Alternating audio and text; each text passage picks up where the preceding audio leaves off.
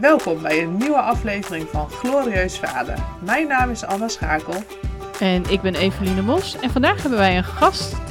Karin die gaat met ons praten over teamdynamiek. Dus we zijn heel erg benieuwd. Maar Karin, wil jij jezelf eerst even voorstellen? Jazeker. Uh, ik ben Karin, projectleider, maar ook teamcoach. Uh, en vanuit die rol is het erg handig om uh, projecten te leiden, maar ook met het begeleiden uh, als teamcoach van groepen of van projectteams is het heel handig om beide werelden eens te goed te kennen. En er zijn heel veel dingen die je als projectleider in kan zetten vanuit de teamleiders, teamcoachwereld. Kun jij uh, vertellen wat een teamcoach is? Want ik denk dan gelijk aan voetbalveld en eh, het coachen van de F1'tjes. Maar dat is vast niet wat jij doet. Eigenlijk is uh, de twee vragen die ik stel aan een uh, team is uh, weten we wat we te doen hebben met elkaar en hebben we het goed samen? En als op één van die twee vragen het antwoord nee is, dan is er werk aan de winkel voor de teamcoach. En die vraag stel je denk ik ook als projectmanager, maar ook in jouw losse klussen zeg maar die je hebt als teamcoach. Dus, dus als je als externe ingevlogen wordt. Ik zou jou kunnen bellen met ik ervaar een probleem in mijn team en ik bel jou, want ik heb je nodig. Ja, klopt. En ook als er nog geen problemen zijn, als je echt uh, van start wil gaan met een team en zegt ik wil het echt stevig neerzetten. Uh, als projectleider doe je natuurlijk een project-startup.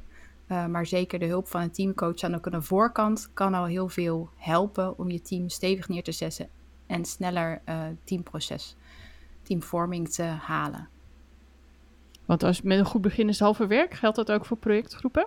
Precies, zoals het ook met een project startup is, dat het begin, goede werk, uh, het begin het halve werk is voor het hele project, is het eigenlijk ook als je vanuit de team ja, benadering kijkt naar een projectgroep, helpt dat ook al een hoop om aan de voorkant dingen te zien gebeuren en daar meteen op in te kunnen spelen in plaats van dat je na een half jaar denkt, ah, misschien moeten we hier iets mee. En dan is het ook, denk ik, minder intensief als je het aan de voorkant insteekt dan wanneer je het echt moet uh, genezen, zeg maar. Dan wanneer je dingen recht moet trekken. Ja, als je aan de voorkant al bepaalde afspraken maakt met je team over hoe vergaderen we, uh, wat is de kernopdracht van ons team, wat zijn de te behalen doelen en welk gedrag hoort hierbij, uh, dan heb je al flinke stappen gezet in de teamvorming. En als je dan, want dan heb je het puur over de teams waarmee je de opdracht uitvoert, hè? maar neem je daar dan ook opdrachtgever en eventueel andere stakeholders in mee? Ja, de opdrachtgever voor een teamcoach is vaak uh, de, de teamleider of uh, de projectleider die een team te runnen heeft. Soms is het ook een lid van een team die opbelt en zegt: joh, we moeten echt iets met dit team, kan je helpen? Uh, en de eerste stap als teamcoach is: erkent de rest ook dat er een probleem is. Want als één iemand zegt dat er een probleem is, wil nog niet zeggen dat het probleem echt er is. Dus ik spreek altijd eerst met meerdere mensen voordat we aan de slag gaan. Klopt het? Uh, herkennen jullie dit? Wat hebben we dan te doen? Uh, waarvoor staan jullie aan de lat? Um, en het probleem waar mensen voor aankloppen is nooit het echte probleem. Dat is ook altijd de grap van de wereld van teamcoaching. Uh, daar waar mensen mee aankomen zetten, als je, uh, kom je altijd achter dat dat nooit het probleem is, maar dat er altijd net iets anders speelt. Dus als teamcoach heb je eigenlijk de zekerheid als projectleider van uh, dit zijn de resultaten die we moeten halen, dan moet het klaar zijn, dit zijn de mijlpalen. En die vaste eikpunten heb je als teamcoach eigenlijk niet. Um, je gaat altijd buiten je comfortzone. Er gebeurt altijd iets in de groep wat je niet van tevoren voorspelt. Dus je uh, hebt eigenlijk een hele onzekere bijeenkomsten als je teamcoachbegeleiding doet. Maar dat maakt het juist wel heel leuk, omdat de groep ook altijd wel meehelpt of meewerkt. Of het is alle ballen op de teamcoach en uh, we kunnen het zelf wel zonder jou. Of het is inderdaad, oké, help ons mee en we gaan met elkaar aan de slag om te zorgen dat, de, dat wij straks verder kunnen en dat jij een andere klus kan oppakken. En waar, waar start je dan? Hè? Want oké, okay, je komt zo'n groep binnen, hè? die hebben misschien aangegeven, nou, het loopt allemaal niet zo lekker. Uh, uh, de ene stakeholder doet dit en de andere. Dus ze zullen misschien ook allerlei mechanismes al gelijk zien optreden die, waar ze het buiten de groep neerleggen. Of, um, en dan, je komt zo'n groep binnen en, en waar begin je dan mee? De eerste is uh, met een aantal mensen uit het team inderdaad vragen stellen. Wat speelt hier? Hoe kijken jullie naar jezelf? Um, als je jouw team zou moeten omschrijven, hoe doe je dat dan? Welke metaforen gebruik je? Uh, wat zijn de zaken waar jij tegenaan loopt, wat jij van zou denken dat dat opgelost moet worden? Wat leeft hier? Hoe gaan jullie met elkaar om? Wat is de invloed van de context? Dus de organisatie. Als je bij een team komt, wat een afdelingsteam is, waar de afdeling eigenlijk een soort van het um, afvoerputje van het bedrijf is, dan doet dat iets met de afdeling of met dat team.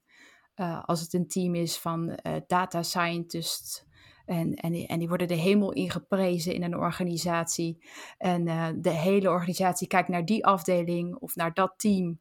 Want jongens, dat is de toekomst. Daar moeten we het van hebben.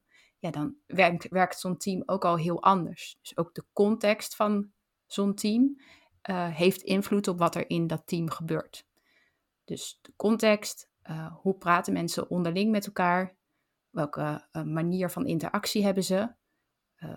Voelt iedereen zich erkend? Uh, is er bestaansrecht voor iedereen in de groep? Of vallen de mensen buiten de boot? is het duidelijk op inhoudsniveau wat je met elkaar te doen hebben? En zijn er afspraken op procedureniveau van hoe je dat doel dan haalt? Het zijn eigenlijk de vijf elementen: inhoud, procedure, interactie, bestaansniveau en context. Wat je als teamcoach in een, ja, een wereld of een schets van maakt als je met een team aan de slag gaat. Ik vind dat wel heel interessant, want ik stond laatst um, als facilitator bij een team projectmanagers. Die waren op zoek naar een nieuwe manier om hun projectmanagementoverleg in te delen. Um, en, en nog een aantal meer dingen, maar dit was één. Hè? Hoe geven we ons projectmanagementoverleg vorm? En een van de eerste dingen die ook naar boven kwam is: wij delen niks met elkaar, want wij zijn project, ja, we, wel de rol, maar wij zijn niet een team. We hebben onze projectteams, dat zijn de teams. En niet die groep projectmanagers bij elkaar. En eigenlijk wat jij nu ook zegt, is die, hè, die elementen waarop je verbindt. Denk ik, ja, daar zit dus in een afdeling met projectmanagers. Is dat soms best eventjes zoeken, denk ik. Omdat zij eigenlijk zo gericht zijn op het projectteam om in te werken. En niet op de andere projectmanagers om mee te werken. Helemaal niet als die ook nog eens een ander type uh, projecten hebben. Als er projectmanagers van ICT en openbare ruimte bij elkaar in één team zitten of zo. Dat je, weet je wel, als Anna en ik bij elkaar in één team zouden zitten, zou vast gezellig zijn. Maar of het nou werkinhoudelijk heel interessant is om elke twee weken twee uur lang met elkaar in een vergaderhok te zitten, dat kan je dan natuurlijk wel afvragen. Ja, ja je hebt natuurlijk verschillende soorten teams. Um, en uh, je zou het kunnen noemen dat alle projectleiders op een afdeling, of alle projectmanagers op een afdeling, dat dat dan een soort van volkstuinenteam is. Iedereen heeft zijn eigen volkstuintje. Op dat volkstuincomplex, uh, iedereen doet zijn eigen ding. Uh, zegt hoi en doei en uh, doet een keer de jaarlijkse barbecue. En gaat gewoon zo op die manier met elkaar om. Daar hoef je niet per se een M, M4 of, of M3 team van te maken. Of een topteam van te maken. Uh, als het oké okay is om op die volkstuin manier met elkaar om te gaan en af en toe de gieter van elkaar te lenen of af en toe even bij elkaar notulen te maken of uh, de project-startup met elkaar onderling te doen, dan kan dat prima als volkstuinteam functioneren onderling. Hoef ik vind niet... dat een hele fijne metafoor. dat, dat, ik dan, weet je, dat je wel gaat denken, hé, hey, ik wil even weten waarom jouw snijbonen harder groeien dan die van mij. Wat voor mest heb je? Maar verder, dit is mijn tuin en ik oogst gewoon alleen in mijn tuin. Ja. Maar de grap, ja, maar de grap is dat als, je al die, als die, al die tuintjes naast elkaar liggen, je wel iets gemeenschappelijk hebt. Namelijk dat die grond van die tuintjes waarschijnlijk allemaal dezelfde grond is. Het is allemaal veen of het is allemaal uh, kleigrond waar je op bezig bent. En daar heb je natuurlijk wel als organisatie, uh, kun je daar natuurlijk wel wat mee. Dus in die zin heb je wel een gezamenlijke, letterlijke gezamenlijke bodem. Um, uh, waar je natuurlijk over door kunt praten. Gezamenlijke energiebronnen, helemaal als ze naast elkaar liggen, heb je allemaal evenveel zonuren. Uh, dus je hebt ook dezelfde. Karin moet lachen omdat we doorgaan op de volkstuin. Maar je hebt dan ook dezelfde waardering en dezelfde uh, energieimpuls elke dag. Ja, maar uh, heb je dan een gezamenlijk een, een kernopdracht van dat team? En is het dan helder welke te behalen resultaten er zijn voor die losse projectmanagers? Of zijn die er niet?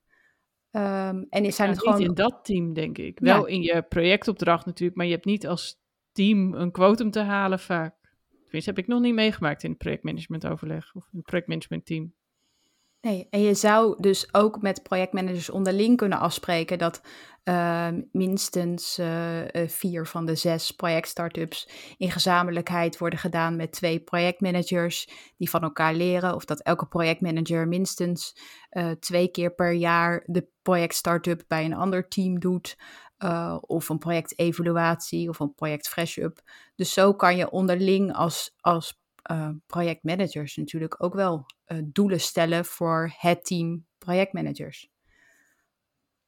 Ja, omdat je dan wel op je professionaliteit vanuit het vak wissel je dan wel uit en je ondersteunt elkaar wel. Ja. Ja. En verder is de echt vraag... een fijne metafoor hoor, Karin. Hij, is, hij, is, hij blijft hangen. En, en, de, de, volgende vraag is, en wat betekent dat dan? Weet je wel, wat is dan het gedrag dat daarbij hoort om, om die doelen um, en uh, die kernopdracht te halen met elkaar? Uh, wat betekent dat dan voor ons? Betekent dat dan inderdaad dat je elke twee weken een werkoverleg hebt? Of betekent dat dat je elke week een, een uh, wat Anna eerder al noemde in een van de podcasts, de, de weekbijeenkomst doet met dit is wat we te doen hebben. een beetje de, de Scrum-methodiek en de, de, de weekly stand-up-achtige bijeenkomst. Waarin je zegt, oké, dit is wat ik de komende week ga doen. En een hulpvraag erbij stelt van, dit heb ik nodig. Um, en dat kan je als projectmanagers natuurlijk onderling ook doen om zo je eigen vak of het, het vak wat je doet, namelijk projectmanagement, te verbeteren en je daarin verder te bekwamen en ook daar hulp bij te vragen van je collega's. Maar eigenlijk zeg je dan ook dat je de frequentie en de vorm waarmee je elkaar ontmoet, dat je die afstemt op het doel wat je gezamenlijk wil bereiken. Dus we gaan niet elke twee weken bij elkaar zitten zonder dat het een doel heeft. We gaan eerst ons doel formuleren of onze missie, hoe je het ook wil noemen. En dan gaan we kijken welke overlegstructuur past hierbij. Ja, hetzelfde wat je eigenlijk doet als projectleider of projectmanager met je projectteam. Uh, welk doel hebben we te halen, binnen welke tijd? Wat betekent dat? Hoe vaak moeten we bijeenkomen? In welke vorm? Uh, welke afspraken maken we van tevoren? Lees je wel of niet de stukken? Of hebben we een kwartier uh, leestijd? Uh, en is de overleg een uur, maar hebben we altijd eerst een kwartier waarin iedereen de stukken echt even tot zich neemt en gaan we daarna pas de vergadering doen. Uh, als je bijvoorbeeld merkt dat mensen zich onvoorbereid binnenkomen, kan je natuurlijk gewoon een kwartier of tien minuten leestijd inlassen in je projectvergadering, zodat daarna de vergadering beter wordt. En zo... ik, heb, ik heb die wel eens geprobeerd, Karin, en er was er dus één iemand. Maar jij zei net al, als er één iemand klaagt, dan is het, is het niet per se een groepsprobleem. Maar ik heb één keer gehad dat één iemand bij de opdrachtgever ging klagen dat het team, projectteam niet functioneerde. En dat was precies degene die zich nooit had voorbereid. Dus ik ging keurig zeggen: We gaan de eerste tien minuten van elke projectgroep gaan we lezen, zorgen dat we voorbereid zijn. En toen kwam er dus elke keer tien minuten te laat. En daarna klagen bij mijn opdrachtgever dat ik het niet goed deed, omdat ik mijn team niet goed aan het functioneren had. Dacht, hè? Dus toen ik terugkreeg, dacht ik, um, volgens mij functioneert het team op zich redelijk, maar er is één iemand die een beetje zich iets anders gedraagt dan de rest. Um, ja, dus die, die is... Wat doe je daar dan mee? Ja, hè, misschien die Evelien, maar Karen, misschien hebben jullie allebei een perspectief over. Wat, uh, hoe, hoe, los je, hoe los je zoiets op? Hoe ga je dat aan? Ja, ik heb met die persoon toen even een één-op-één gesprek gehad. Om gewoon even te zeggen, ja, als je achter mijn rug om gaat klagen over mij, we hebben dan ook het lef, hè, grote sterke kerel, om dat gewoon recht in mijn gezicht te zeggen, want dan kunnen we het erover hebben. En toen hebben we afgesproken dat we elk kwartaal even met z'n tweeën gingen zitten om te kijken hoe gaan wij met elkaar om in het projectteam. En dat hielp. En zei die persoon dat ook al in de vergadering? Nee, nee. Nee. nee. En, en, had, je, had je het wel... Die persoon kwam dan gewoon elke keer tien minuten te laat? Ja. Um, als, als teamcoach zou ik dan zeggen: wat gebeurt hier nou? En dan op je handen blijven zitten. En wachten. Oh, maar dat is zo moeilijk. En er is altijd iemand die of een blik doet van ja, ik weet het ook. En dan knik je daarheen. Ja, dat gaat digitaal natuurlijk wat moeilijker dan uh, in het echt. Maar ja, vertel maar. En er is altijd wel iemand die dan zegt, ja, uh, wat is het? Sophie komt altijd te laat. En is, valt dat ook bij meer mensen op? En weer wachten. En wat doet dat met de groep? En uh, misschien zegt iemand anders wel, ja, ik, uh, ja, blijkbaar kan dat dan of zo. Ja? Om zo het gesprek op gang te brengen. En eigenlijk, ja, uh, in teamcoachwereld noemen we dat hele luie interventies. En maar gewoon vragen te stellen. Eén vraag. En niet vier vragen, opties in één vraag. En te wachten. Of gewoon halverwege een vergadering, als er iets gebeurt waarvan je denkt? Te zeggen, huh? Wat gebeurt hier nou? En te wachten. En, maar ben je, dan, ben je dan het team aan het coachen of ben je dan die individu aan het coachen? Um, je gaat er pas wat van zeggen als het uh, voor de derde keer gebeurt. Dus als het één keer gebeurt is toeval. Als het twee keer gebeurt, dan denk je, nou oké, okay, voilà. Uh, maar als het drie keer gebeurt, dan is het de patroon. Dus als deze persoon nou drie keer te laat binnenkomt, of als het drie keer zo is dat als Selim iets zegt, dat Anouk dan met haar ogen gaat rollen, uh, dan is het iets wat gebeurt in de interactie tussen je teamleden. En als jij het ziet, ziet zien anderen het ook. En als het dus drie keer gebeurt en het is een patroon, dan is het niet, dan is het niet meer bij één persoon, maar dan is het een, iets wat je met het team doet.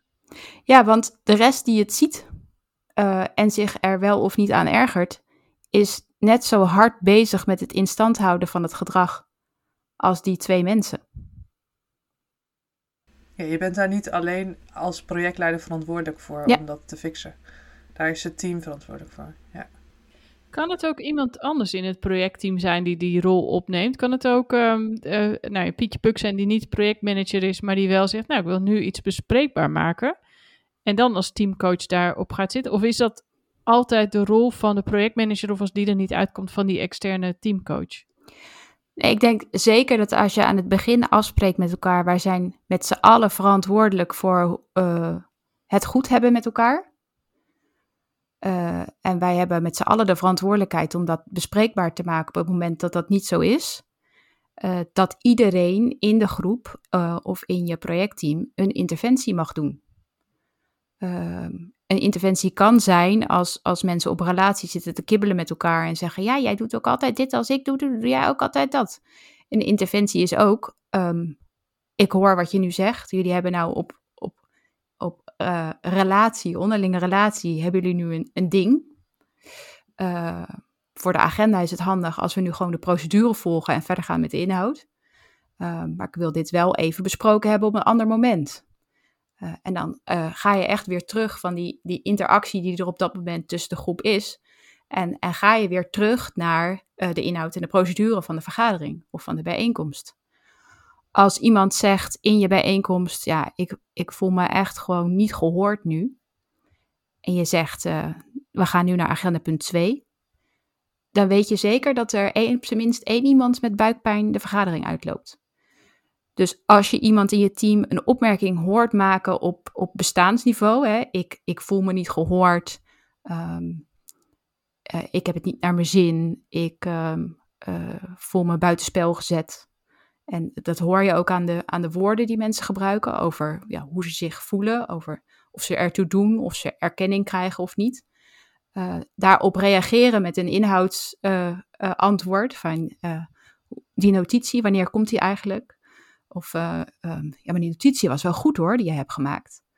Of ja, laten we dat maar even op een ander moment bespreken. Dan weet je zeker dat dat, dat, dat gewoon blijft broeien en dat dat onder water een visje is die dan onder de zee zwemt, die een keer gewoon een hele enorme haai wordt. En dat of iemand je projectteam uh, stampend verlaat, of gewoon de volgende keer niet meer komt opdagen, of dat inhoudelijk het werk achteruit gaat, of wat dan ook. Dus eigenlijk zeg je dan ook dat zodra er gepraat wordt over gevoelens of, of emoties, dat je die niet uit de weg gaat, ook niet uit de bescherming van een ander of wat dan ook. Je geeft ze wel even een podium Eh, en dan is er een moment waarop je weer zegt: Oké, dit was genoeg, we gaan terug naar de inhoud. We gaan niet twee uur lang praten over gevoelens en emoties, want we moeten door, denk ik. Ja, eens. Je, je kijkt echt, je, je geeft erkenning voor iemands competenties. Of je vraagt naar de persoonlijke behoefte op dat moment. Ehm, ik hoor je zeggen dat je niet erkend voelt. Waar heb je nu behoefte aan? Waar kunnen we je nu mee helpen? Uh, en dat, dat hoeft maar vier, vijf minuten te zijn. Uh, als iemand zegt, ik wil het daar op een later moment over hebben, of uh, ik wil het daar met Jantje of Pietje over hebben, dan heb je een procedureafspraak gemaakt, maar wel op dat moment passend bij de uitspraak die die persoon doet, door te vragen, en waar heb je nu behoefte aan? Of waar kan de groep jou op dit moment mee helpen? en soms is dat gewoon even luisteren, en soms is dat op een ander moment één op één gesprek hebben met iemand. Maar als je zegt, uh, ja, niet erkend voelt, hoezo, die notitie was toch hartstikke goed, we gaan door naar het volgende agendapunt, dan, dan uh, ja, goed. Ja, ik denk, ik denk dat het wel iets is wat, waarvan ik me voor kan stellen dat het vaak gebeurt omdat een uh, projectmanager ook nee, door wil met zijn project en die wil het hebben over de inhoud. Dus om dan aandacht te geven aan emoties is soms een beetje lastig, omdat het stokt. Of omdat je een soort plaatsvervangende um, bescherming biedt dan aan iemand of zo. Om het niet in een onveilige groep over emoties te hebben. Dus het, het vraagt ook wel lef van de projectmanager om het dan ook daadwerkelijk daarover te hebben. Nou, het vraagt allereerst dat je je bewust bent van die verschillende um, niveaus van met elkaar spreken in een groep. Dus dat je kan horen wat het verschil is tussen een opmerking op inhoud, uh, tussen een opmerking op proces, een opmerking op interactie uh, of een opmerking op bestaansniveau. Of een opmerking over de context. Ze vinden dat toch nooit goed. Um, kan je dat altijd vinden in de woorden die mensen gebruiken? Vaak wel, maar soms ook in, in uh, de, wat bedoel je daar precies mee? Of waar doel je op? Kan je dat verduidelijken? soms ook in een uh, houding, als iemand hardop zuchtend onderuit zakt in zijn stoel? Nou ja, als, als, ehm, als teamcoach is dat echt hilarisch. want als iemand dat doet, dan, dan ga ik daarnaast staan en dan zeg ik, mag ik jou even ondertitelen? Ik heb het gevoel dat jij nou iets zegt of iets, denk, iets denkt wat je niet zegt. Uh, en ik wil even een poging doen om te kijken of als ik dat nou woorden geef, of dat dan overeenkomt. Nou, dan gaan mensen al rechtop zitten. Uh, en dan probeer ik te zeggen van nou jongens, uh, ik ben Connie. en ik zit hier in dit overleg en ik ga er maar bij zuchten, want eigenlijk vind ik dat. En dan probeer ik woorden te geven aan wat er in die persoon gebeurt. dan check ik vervolgens bij, die, bij Connie is dat een beetje, hè? komt dat een beetje overeen met wat, wat er in, bij jou speelt? Um, en soms is het, uh, nee joh, wat er is, is dat. En dan heeft die persoon zich dus uitgesproken en is de houding dus verklaard met de ondertiteling van Connie zelf. En soms is het, ja, dat is precies wat ik bedoel. En vervolgens is het, nou jongens, jullie hebben net gehoord dat dit is wat Connie nu vindt of voelt. En nu? Ja, dus je gaat wel altijd op zoek naar een uitleg in woorden zonder dat je de non-verbale communicatie invult. Ja, um, ja altijd. Uh, dus je, je zou me ook kunnen benoemen natuurlijk. Ik, ik zie dat je fronst en ik heb het idee dat je nu het er niet mee eens bent of twijfelt. Klopt dat? Maar je kan die frons natuurlijk altijd interpreteren op een manier die de ander niet bedoelt. En dat is jouw eigen aanname. En ja, je eigen... kan ook tegen de zon in kijken of zo. En dan even, of, uh, of een, een, nee, een spiertik in zijn gezicht of zoiets, weet je Nee, nee, dat noem je anders. Maar uh, dat je even zo, dat er iets knijpt. Het kan natuurlijk van alles zijn waardoor iemand ineens fronst. Ja, precies. Dus daar, als je, als je er zelf kriebels van krijgt uh, in een overleg, dat je als projectleider denkt: oké, hier word ik zenuwachtig van, of die zal het wel niet goed vinden, of al die interne stemmetjes die, uh, die je soms in je hoofd hebt uh, ja, benoem wat je ziet gebeuren, benoem wat het met jou doet en check of het echt zo is. En geldt ook daarvoor dan dat, het, dat je tot drie telt? Dat als iemand één keer fronst, dat je kan denken, nou, is misschien niks, maar dat je bij de derde keer, oké, okay, dit is nu de derde keer dat je fronst over dit onderwerp, of als ik op deze manier doorga naar een volgend onderwerp. Nou, jullie spraken eerder in een eerdere podcast ook over intuïtie en dat je dingen op gevoel doet. Um, iemand gaat niet per se drie keer fronsen in één overleg, maar als diegene vaker fronst bij bepaalde onderwerpen, uh, dan is dat ook al op zich al een patroon, ook al is dat verspreid over meerdere bijeenkomsten. Ja. Ik vind dat ook wel een mooie om niet, um, niet altijd direct te willen reageren op mensen. Maar ook eigenlijk geef je een hoop uh, tips voor geduld mee, Karin. Om op je handen te zitten en te wachten totdat er iets wordt gezegd. En, en deze ook niet gelijk reageren bij de eerste zucht of de eerste frons. Maar even af te wachten of dat een patroon wordt wat je kan ontdekken. Ja, en ik ben wel benieuwd hoe dat dan. Um, kijk, het is natuurlijk gedrag van één individu. Hè, maar het heeft, het heeft invloed op het gehele team. Um, en je, maar je spreekt natuurlijk het, het gedrag aan wat je ziet. Of je beschrijft het bedrag wat je ziet, gedrag wat je ziet. Um, maar je wil natuurlijk. Je ultieme doel is natuurlijk om die, dat team weer in het goede gedrag te zetten. En hoe maak je dan de slag van. Hè, dus wanneer uh, uh, denk je echt, oké, het is één individu, één individu wat nu um, het, de verstorende factor is, tussen aanhalingstekens. En wanneer is het dan van het team? Um, het is van het team als het tegen jou is als projectleider. En het altijd dezelfde persoon is die tegen jou is. En jij daardoor niet kan functioneren. En de rest van het team zijn mond houdt. Dan op dat moment is het al van het team. Want het team houdt het in stand, in stand. dat dat gebeurt. Ja.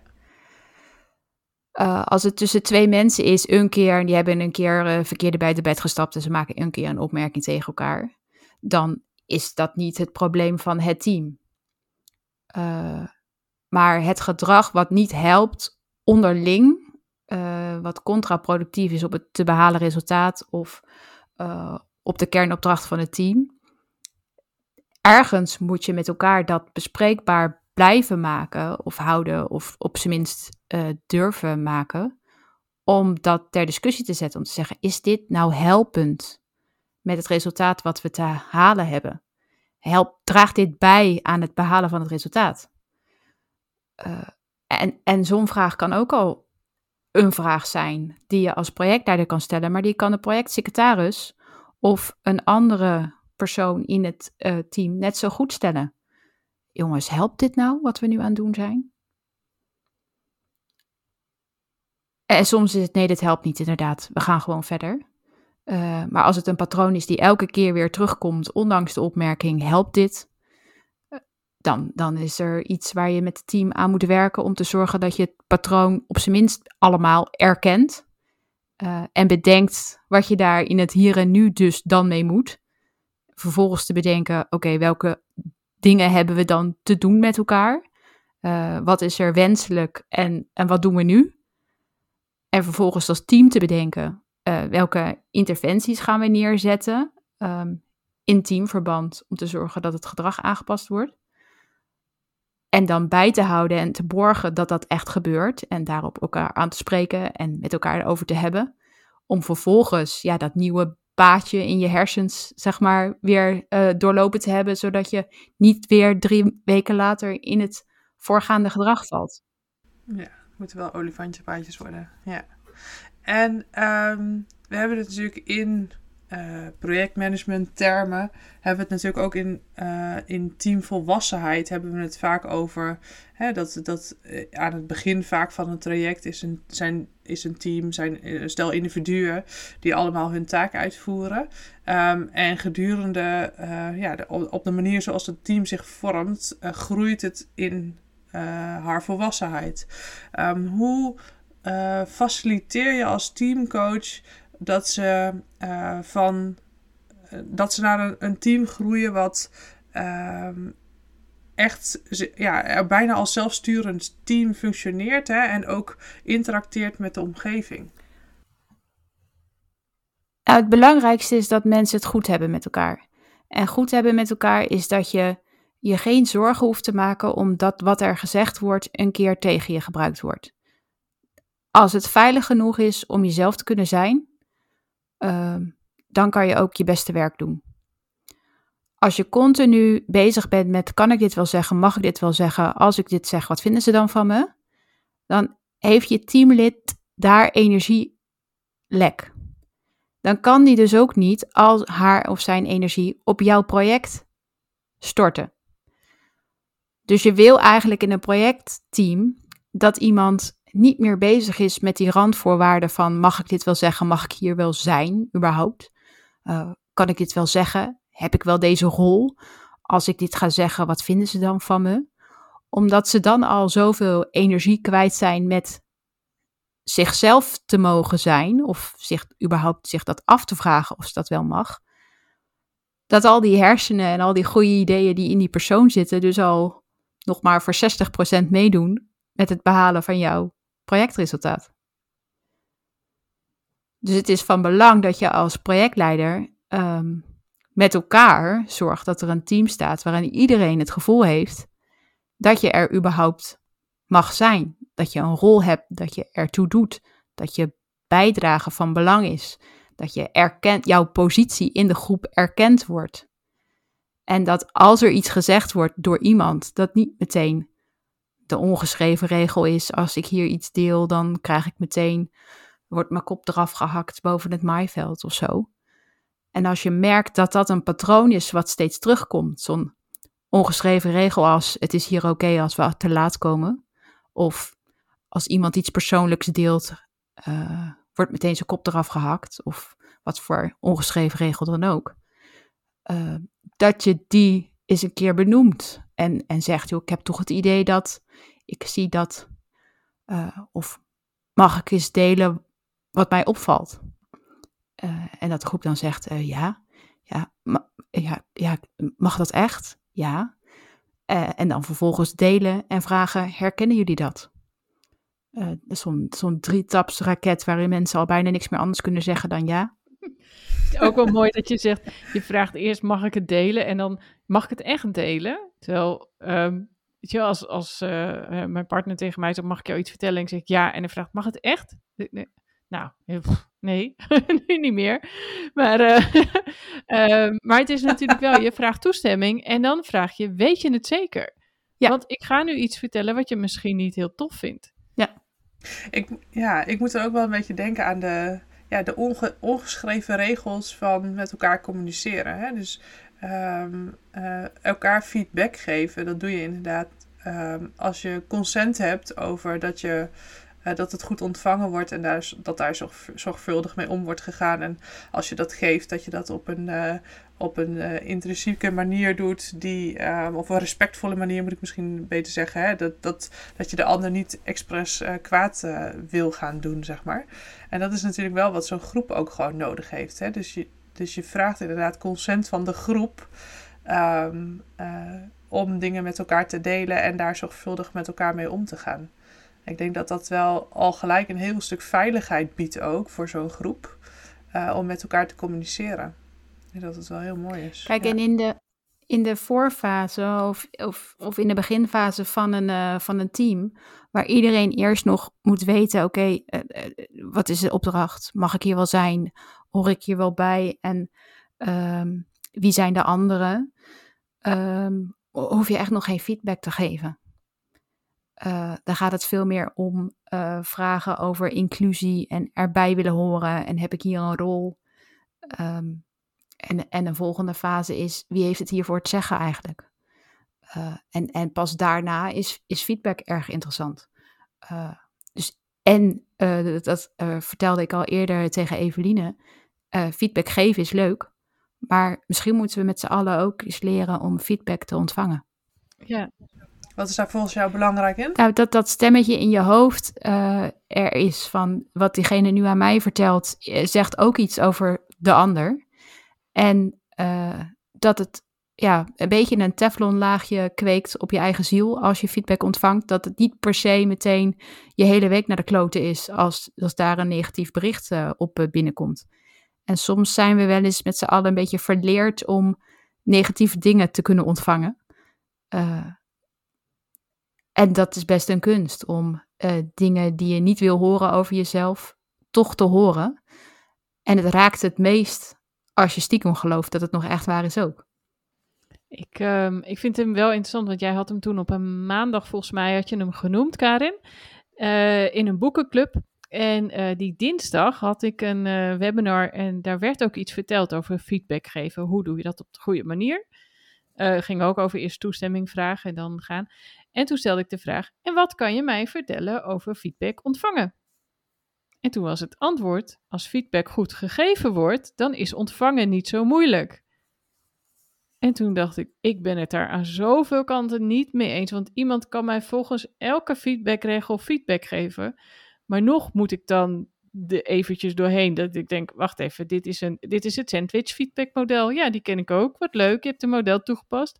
Nou, dan, dan zit alle sarcasme in mij, neemt de feedback al niet meer serieus.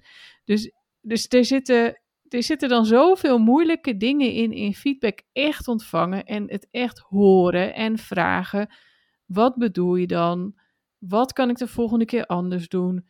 Snap je dat als dit mijn kernwaarde is, dat ik op deze manier dit doe? En wat is jouw kernwaarde waardoor het voor jou vervelend is? Want misschien komen we elkaar wel ergens tegen of hebben we een intrinsieke motivatie die we delen. Al die nieuwsgierige vragen die je eigenlijk over de feedback wil stellen, um, daarvan dacht ik, ja, nou, daar wil ik wel eens naartoe. Want ik kan lang niet bij alle goed bedoelde feedback denken, dit is interessant. En, en het ligt ook aan. En waar moet dat? Waar zou dat, ja, zou dat dan het ook moeten? Het ligt heel erg aan wie het geeft natuurlijk. Ik bedoel, als, nee. als hier thuis feedback gegeven wordt over hoe ik werk, dan is dat echt niet interessant, want het zijn mijn collega's niet.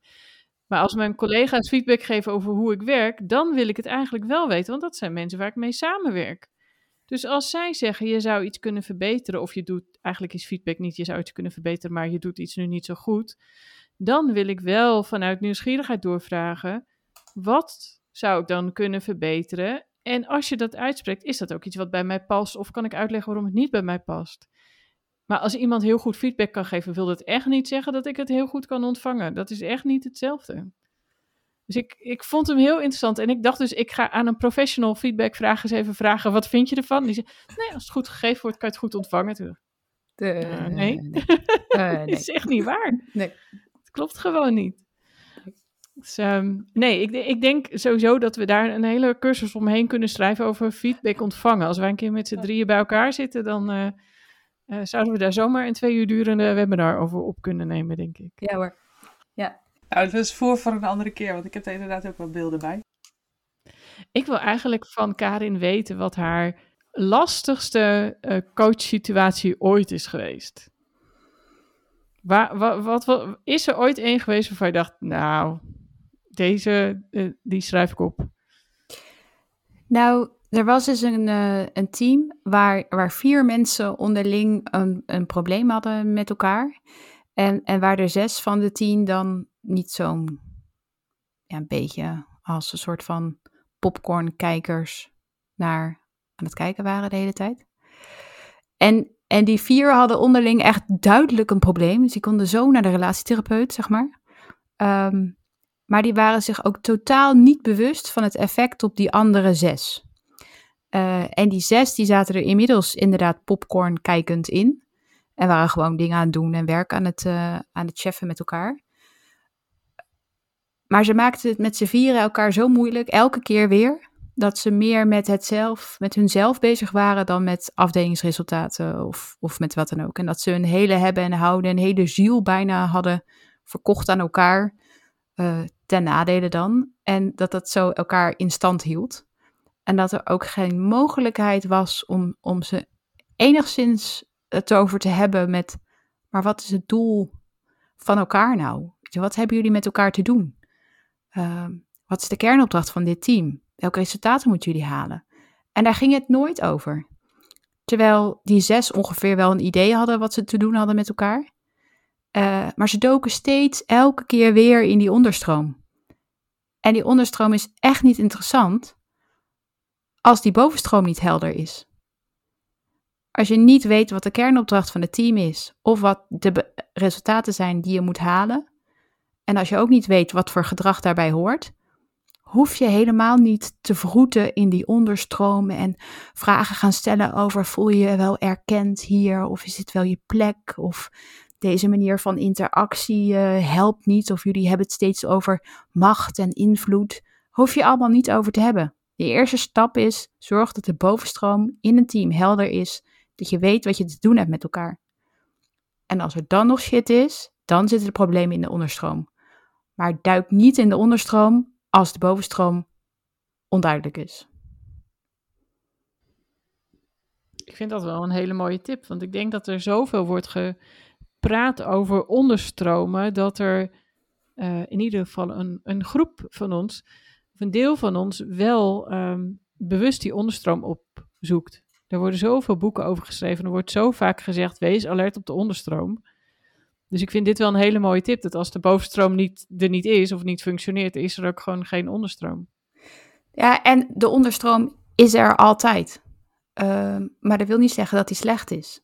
Dus duik niet meteen in de onderstroom. En ik weet dat heel veel collega-teamcoaches die onderstroom het leukst vinden. Dat je, die staan lekker met de voeten in de, in de modder. En gaan dan lekker zitten vroeten en uh, even nog ergens op duwen. Om het vervolgens beter te maken, hè, want anders dan zijn het geen echte teamcoaches. Uh, maar de allereerste stap is, is die bovenstroom op orde. Wat is je kernopdracht van je, van je, van je groep? En wat voor resultaten wil je halen en welk gedrag hoort daarbij? En dat is gewoon stap 1 die je met elkaar moet uh, uiteikelen. En dat kan een dag duren, uh, kan een twee uur duren, kan drie weken duren. Ik denk, Eveline, dat jij daar best wel een paar uh, slimme posters over kan maken om dat te visualiseren, om dat ja, een, een goede invoeloefening te laten zijn met elkaar. Um, en, en dat is volgens mij stap 1. En dat is wel, weet je, de procedure en de inhoudsdeel van het teamcoachvak, waar heel veel teamcoaches nou niet echt om te staan te springen. Uh, en dat is juist het deel wat ik heel erg leuk vind en heel erg belangrijk vind. Wat hebben we te cheffen met elkaar? Uh, hoe gaan we dat doen? En als je dat met elkaar duidelijk hebt, dan, dan vallen de puzzelstukjes 9 van de 10 keer al op zijn plek. Dan weet je of mensen buiten de boot vallen en zeggen: Nou, maar weet je, dit projectresultaat is leuk, maar uh, niet in mijn tijd. Zoek maar een ander. Maar daar komt de projectmanager in jou ook weer naar boven, Karin. We hebben gewoon niets te regelen met z'n allen. Dus uh, ik denk dat jouw combinatie van projectmanagement en, en teamcoach ook die gouden combinatie is. Dat, je, dat dit juist heel erg sterk op je netvlies staat. Ja. ja, en bij het begin van zo'n team kan je ook heel makkelijk uh, inzetten op een bepaald niveau. Dus als je voor het eerst met een groep start, je kan op inhoud met elkaar starten, je kan op procedure met elkaar starten en je kan ook op bestaansniveau met elkaar starten. En dus vragen, wat hebben we nodig om, uh, om ons lekker te voelen, om fijn te zijn met elkaar, om het goed te hebben met elkaar. Of je vraag is, wat hebben we te cheffen met elkaar? Wat is de opdracht? Welke dingen hebben we te doen? Of hoe vaak gaan we met elkaar vergaderen? Je, dus ook de, start van een team, daar kan je al keuzes in maken. Uh, op welk ja, niveau je dat, je dat gaat doen. Waar ga je die eerste paar keren dat je voor het eerst met een team werkt, waar ga je dan aandacht aan besteden? Krijg je ook tweede kansen? Hè? Dus kun je een, een team herstarten, om het zo te zeggen? Uh, ja, anders dan zou het hele teamcoachvak in elkaar storten, denk ik. ja, misschien is dat wel zo. Maar ik heb een, um, even een uh, hypothetische casus. Kijk, er, er, is een team waarin, um, waar ik in bezig in ben. En um, het doel van uh, de opdracht wordt ter discussie gesteld. En dat heeft te maken met beleidsmatige keuzes en met managementkeuzes. Hè, die politiek gezien genomen zijn en worden. Um, en mensen die er ook in de stuurgroep zelf onderling niet helemaal over uit zijn. Wat nu echt de beste keuze is. Dus de, de, de voorzitter van de stuurgroep die zegt dat hij een keuze heeft gemaakt. Maar die wil niet komen opdagen in het team om zijn keuze toe te lichten. En um, ik vind dat dus een hele lastige. Hè? Want ik, er wordt aan de ene kant gezegd. Um, start opnieuw eh, met een kick-off. Dus die project start of uh, whatever, hoe je het ook noemt. Um, zet het opnieuw neer van wat is het doel? Uh, wat heb je te doen met elkaar? Wat moet je uiteindelijk opleveren? Wie heeft dan welke rol? Zet het opnieuw neer. Um, maar als het team dan vraagt van ja, maar we willen graag uitleggen waarom dit het doel is, wordt er geen gehoor gegeven. Ik vind dat dus een ontzettend lastige. Hè? Want dan, um, nou ja, dat. Ik vind het gewoon ontzettend ik lastig. Ik vind dit ook een beetje je ehm, veten strikken op het moment dat er een beroep op je rol wordt gedaan hoor, Anna. Zeker, dat is ook zo. Maar ja, ehm, in, in deze kwestie gebeurt het wel. Hè? En uh, rappelleren dat kan, ook aan die voorzitter van die stuurgroep. Um, maar het antwoord moet wel komen. Ja, daar heb je gelijk in. Maar het is wel. Um, dit, de vraag die, die je stelt met hey, het doel is niet helder, is typisch iets voor een opdrachtgever of voorzitter van de stuurgroep. Om jou als projectmanager dan even te helpen en te zeggen: Ja, ik kom tien minuten in die vergadering en ik ga het wel even vertellen. Ja, bij een project start-up heb je een collectieve intake, waarbij je als projectteam vraagt aan je opdrachtgever: uh, ja, wat hebben we te, te cheffen met elkaar en wat hebben we te doen? Uh, en waarom en wanneer en al die andere zaken uit de projectbrief. Uh, de projectleider in mij spreekt nu. om die ter discussie te stellen en te vragen aan de opdrachtgever: wat moeten we? En hoezo en wanneer en waarom en met welke snelheid en welk tempo. En juist die collectieve intake zegt ook heel veel voor het projectteam. Uh, dat het feit dat je bij een project startup een collectieve intake hebt met de opdrachtgever, doet ook al zoveel voor het bestaansrecht van je projectteam. En als de opdrachtgever niet bij het projectteam komt, waarom zou het projectteam dan iets gaan doen? Wat zegt dat over het bestaansrecht precies, van deze groep? Ja, waarom is de opdracht dan zo belangrijk als zelfs de opdrachtgever of stuurgroepvoorzitter er geen tijd in wil steken? Ja, precies. En, en ook tussentijds, denk ik, hè, als er van alles buiten gebeurt. Want um, volgens mij zitten we alle drie in een omgeving waar projecten langer duren dan de, de, uh, de, de circulatie buiten gaat of de bewegingen buiten gaat. Dus de tussentijds de vraag, is het project nog actueel? Dat is ook een vraag die je als projectmanager niet kan beantwoorden, want je hebt gewoon een opdracht uit te voeren. Maar als opdrachtgever of als stuurgroep is dat wel een vraag die je kan beantwoorden. Uh, en dan moeten alle projectteamleden moeten vanuit hun eigen professie de kans krijgen om die vraag ook te kunnen stellen. Niet alleen de projectmanager als soort tussenpersoon. Ja, precies. En uh, jullie spraken eerder al over dat besluiten niet genomen worden. Ik heb daar een hele theorie over, dus daar zouden we nog een aparte podcast over kunnen opnemen. Maar ook vaker zie je dat, dat besluiten niet genomen worden. Of er wordt gezegd, ja, dan vragen we even iemand om dat een beetje uit te werken. Um, als antwoord naar een bestuurder of als antwoord naar een directeur. En daar zitten dan drie, vier mensen op te ploeteren met een vage opdracht. Um, daar wordt nooit meer aangevraagd, joh, lever eens iets op of zo. Maar die blijven maar doorgaan. Want ja, de MT-lid heeft het gevraagd. Dus we moeten iets doen. Hè? Dus uh, we kunnen niet zo opdracht teruggeven. Ja, opdracht, ja, ja, moeilijk. Dat doe je ook niet zomaar. Uh, terwijl aan het eind van het liedje ergens die vraag gewoon in de koelkast is beland. Zonder dat die groep mensen daarvan weet. Die gaat gewoon lekker door. Um, ja, dat is wat mij betreft uh, kapitaalvernietiging van je van je mensen in je organisatie. ja. ja, zeker weten. Ja. ja, ik vind het wel een uitdaging hoor. Dus um, nou, ik uh, update jullie over een paar maanden wel uh, hoe dit uh, gaat aflopen. Ehm, maar ik heb morgen een stuurgroep, dus ik, dit staat op de agenda. En je hebt wat inspiratie gekregen nu om even iemand te motiveren. Zeker, en ik weet nu dat ik gewoon op mijn handen ga zitten. Dus dat is ook een hele goeie. Ja. En deze stuurgroep mensen, Anna, luisteren die deze podcast ook? Want dan moeten we misschien even de groeten doen. Nou, ik hoop uh, dat ze dit pas over een paar weken horen dan. Maar uh, ik zal ze niet tippen. nee, maar het is niet, het is niet iets unieks aan, aan jouw situatie. Het, is ook, nee. het gebeurt vaker dat, uh, dat opdrachtgevers sveten strikken op het moment dat je zegt... Ja, jongen, of de madame, uh, dit is je rol. Nu heb jij een rol. En goed opdrachtgeverschap, ja. of dat nou een ambtelijk opdrachtgever is of een stuurgroepvoorzitter, uh, dat is gewoon echt een kunst.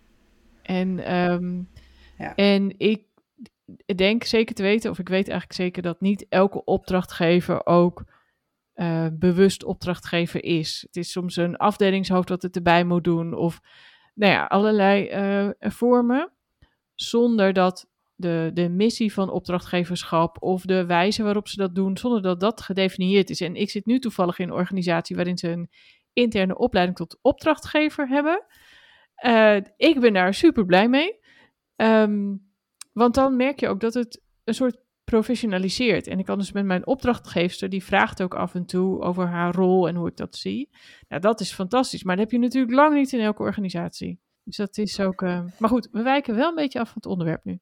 Een beetje, ja, maar het heeft wel te maken met de dynamiek op je team. Hè? Want het heeft gewoon invloed op je team. En uh, wat het met je team doet uh, en hoe je dat dan ook weer moet gaan fixen. Hè? Dus het, is, het voelt als een soort vicieuze cirkel waar ja, je. Zeker, als je, als je projectteam bezig is met een project die inderdaad uh, niet meer op het netvlies is van een opdrachtgever, dat is gewoon een contextding.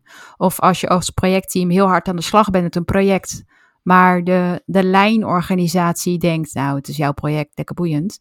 En je aan het eind van het project niks kan overdragen aan de lijn, omdat de lijn denkt, huh, wat, wat, huh? Um, ja, dat doet ook iets met uh, zingeving of je aan dat project aan het werk bent voor de mensen in dat project. Dus ook de context van een projectteam, uh, maar ook van een afdelingsteam, uh, is zeker iets wat je als projectteam ook ja, mee moet nemen in je afweging. Of wat iets doet met de dynamiek in een groep of in een team. Ja, zeker. En een groep mensen hoeft niet altijd een team te zijn. Kijk, de uh, Volkstuingroep of de Volkstuinteam van uh, eerder, die we eerder bespraken, dan kunnen mensen ook gewoon prima weten wat ze te doen hebben en um, het goed hebben met elkaar. Je hoeft niet van elke groep mensen een team te maken. Het wordt pas een team als je van de resultaten afhankelijk bent van de ander in de groep.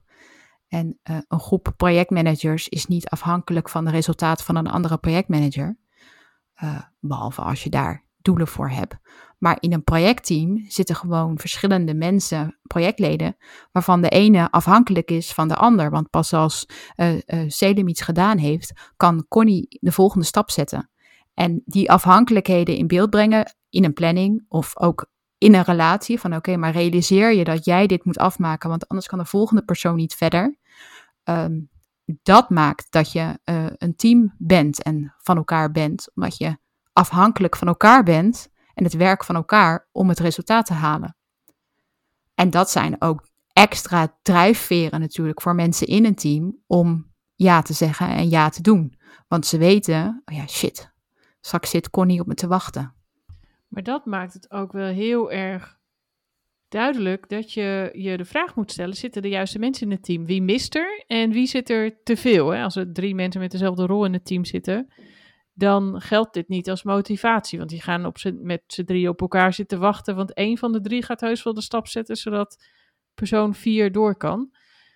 Um, dus dat is dan ook de vraag aan de projectmanager: heb je, de juist, heb je niet te veel mensen in je team? En wie mist er? Ja, en ja, dus wie, is er, wie heeft er invloed op dit project, maar zit hier niet aan tafel? Uh, en hoe gaan we daarmee om en eh, welke afspraken maken we daarmee? Maar inderdaad ook, ja, als er drie van dezelfde afdeling zitten en drie mensen maken de planning, ja, kun je dat ook één iemand dan doen? Moeten we hier alle drie mee zijn? En als ze alle drie zeggen, ja, hier moeten we alle drie bij zijn, dan is er iets met vertrouwen. Ja. dan is er inderdaad wel iets met vertrouwen. Nou, ik merk uh, meer op vertrouwen ook en wie, er aan tafel moet zitten. Er zijn ook als mensen die zich uitnodigen voor een projectgroep, zeg maar, omdat, um, omdat ze graag willen weten wat er speelt. Omdat ze bang zijn dat ze anders de informatie niet krijgen. Dus dat is ook nog wel zo'n gesprek wat ik uh, met enige regelmaat voer als iemand zich uitnodigt voor een projectteam. En ik denk, huh? Waarom dan? Um, en dan ga ik toch wel dat gesprek natuurlijk aan met wat gaat dan je rol worden? En is dat alleen in deze fase of is het in het hele project? En soms blijkt het alleen maar te zijn, ja, maar ik moet facturen controleren. Ja, dat hoeft niet elke twee weken. Maar um, uh, dan is het wel goed om het gesprek te voeren. En daar zit ook vaak iets van vertrouwen achter natuurlijk. En ik denk dat je dat als teamcoach vaker tegenkomt, dat het eigenlijk gaat om vertrouwen in elkaar. Ja, en, en als projectleider kan je dit oplossen door te zeggen, oh, jij bent een projecttoerist. En dan weer stilzitten en op je handen zitten en zo? Doei. Als je niks gaat doen, dan hoor je er niet bij. Je mag alleen dit projectteam als je iets uitvoert. Um, eh, en dat zegt wel iets over je, je, de C van de beheersaspecten natuurlijk van je project. Uh, over communicatie. Weet je, hoe gaan we vertellen aan de rest van de omgeving wat we hier aan het doen zijn? Je projectmarketing. Ja, ja en ook de, je laatste uh, tien minuten van je projectvergadering kunnen natuurlijk ook zijn. Wat we nu besproken hebben. Hoe vertellen we dat aan de rest van de organisatie? Laten we eens één verhaal of drie zinnen uh, bedenken wat we over deze vergadering vertellen aan de rest. En als die rest daar met regelmaat gewoon ja, terugkoppeling op krijgt of het verhaal hoort van nou, we hebben dit en dit gedaan, uh, dan zul je ook zien dat er minder projecttoeristen zijn. Ja, dat denk ik ook wel. Het gaat natuurlijk heel vaak om, er gebeurt iets achter een deur en dat, daar verdwijnt. Ik vind het wel een hele goede suggestie om af te sluiten met wat gaan we vertellen en op welke manier gaan we dat vertellen en aan wie. Dat is wel een mooie. Ja. Is ook iets wat, wat de projectmanager niet alleen in zijn eentje hoeft te beslissen natuurlijk, of in haar eentje. Nee, ook, ook de projectsecretaris of de notulist kan, uh, kan dat vragen. Um, idealiter zeg je met elkaar besluit je um, de notulist aan het eind van elk vergaderpunt. Oké, wat zetten we hierover in het verslag? Uh, en maakt iemand uit de groep of de projectmanager de samenvatting over dat wat in het verslag komt. En het hoeft echt niet in een verslag de letterlijke tekst van wat we allemaal hebben besproken te zijn. Bedoel, uh, kan ook per agendapunt samengevat worden door iemand uit het team of door de uh, projectleider of elke keer door iemand anders. Van nou, de komende vergadering let jij op de tijd uh, en altijd iemand anders. Jij vat elk agendapunt samen om te zeggen hoe dat dan in het verslag moet. En dat je dat ook onderling rouleert met elkaar. En kijkt op een gegeven moment van wie is daar nou het beste in en wie kan dat nou het snelst en het scherpst. Dan doe jij dat voor de rest van het project. Ik heb een heleboel mooie suggesties gehoord om meer uh, coachend leiderschap ook uh, toe te passen. En, uh, en een, een hoop fijne handvaten, of ja, trucjes zijn het niet, hè, maar een hoop handvaten om het concreet toe te passen. Hey, is er nou nog iets, Karin, wat je ons nu wil meegeven? Hè? Ons thema van deze maand is teamdynamiek. Hebben we nou nog iets niet aangeraakt waarvan je zegt, nou, dat wil ik nog wel graag de luisteraar meegeven? Dat het dood en doodeng is om dynamiek bespreekbaar te maken. En dat het heel menselijk en begrijpelijk is als um, projectleiders of projectmanagers dat toch maar even achterwege laten. Het zegt namelijk iets over jouw aannames, over wat jij ziet gebeuren. Dat moet je dan ook nog maar even onder woorden kunnen brengen en in de groep durven gooien. En vervolgens weet je niet wat er gebeurt. Dus het is geen garantie op een vrolijke, gezellige afloop. Maar ik vind wel dat je uh, het lef moet hebben, ook als projectleider, uh, om deze interventies toe te passen en om die vraag te kunnen stellen en om het in de groep te leggen. Uh, want als jij het merkt, zijn er meer. En als er niet meer zijn, dan is het jouw ding en uh, moet jij het doorleven om daarmee om te kunnen gaan, bijvoorbeeld. Of is het een, iets wat je zelf hebt meegemaakt ooit vanuit een eerder project of een ander moment in je leven. Uh, en weet je dat je dat te dealen hebt met jezelf. Maar als er meer in de groep het herkennen, dan is het gewoon een groepsding. En als het negatief effect heeft op de kernopdracht of op het resultaat wat het doel groep te halen heeft, dan ben je bijna verplicht om het te zeggen. Ook al is het dood en doodeng. En wat is dan uh, die tip die je die projectmanager wil meegeven? Dat je het vertrouwen moet hebben dat de groep het herstelt. Dus de groep herstelt zichzelf altijd. Of ze valt weer terug in de oude patronen en um, gaat gewoon lekker door zoals het de afgelopen zoveel jaar ook is gegaan. Of de groep pakt het op en zegt: Oké, we gaan aan de slag en we gaan dit wel veranderen. Wat het mooie is aan teamcoaching is dat je, ja, je, je, wat je genereert, wat je vraagt, genereer je. Dus als je aan het begin van een uh, project op relatieniveau je, je, je, team start, is dat ook het thema wat de rest van de groep, uh, van de tijd in de groep zal leven. En um, de, ja, de groep herstelt zich, ja, de groep herstelt het altijd. De groep komt wel weer terug. De, ja. uh, Trust the process, ja. Mooi. Nou, dankjewel Karin. Ik denk dat, uh, ik denk dat er wel met mensen aangaan die denken, wow, ik, ik heb morgen wat te doen. Ik, uh, ik moet aan de bak. Nou, ik denk dat dat een heel goed, uh, goede beweging is. Daarvoor uh, is deze podcast. Nou, kijk, en je hoeft ook als projectleider niet altijd een probleem te hebben om, om eens te bellen of koffie te gaan drinken met een teamcoach. Um, je, je, je team hoeft niet in de shit te, zetten, te zitten voordat je een keer een belletje doet met, uh, joh, hoe werkt dat nou eigenlijk, die groepsdynamiek?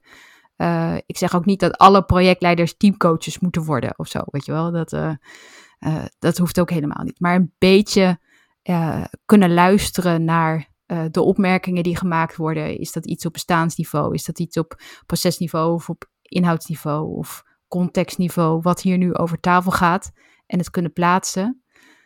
En inderdaad vragen, niet altijd heel hard aan het werk zijn als projectleider. Want hoe meer jij doet als projectleider, hoe minder het team doet. Heb je daar ook een training voor, Karin, voor projectmanagers? Ja, nee, nog niet. nog niet? Nou, aan de bak zou ik zeggen. Aan de bak. Ja.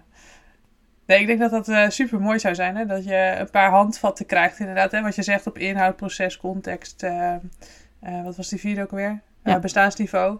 Um, en dat, dat projectmanagers daar al handvatten voor krijgen van oké, hoe ga ik bewust om met dat soort signalen en wat kan ik dan ook doen? Ik denk dat dat uh, ja, in een notendop, hè, als je dat leert, ja, is fantastisch om dan al mee ja. te beginnen. Ja, en om de signalen op te vangen wanneer je wel een teamcoach in kan schakelen. Weten dat het überhaupt bestaat, maar ook snappen, dit kan ik doen en hier mis ik een vaardigheid die wel bestaat en die kan ik dus gewoon inbellen. Ehm, dat is ook al heel waardevol. Ja, net als dat je een, een project start-up begeleider inbelt aan het begin van je project. Dat hoef je als projectleider ook echt niet alleen te doen. Een project start-up of een project follow-up of een project evaluatie. Daar zijn gewoon mensen voor die daar heel goed in zijn.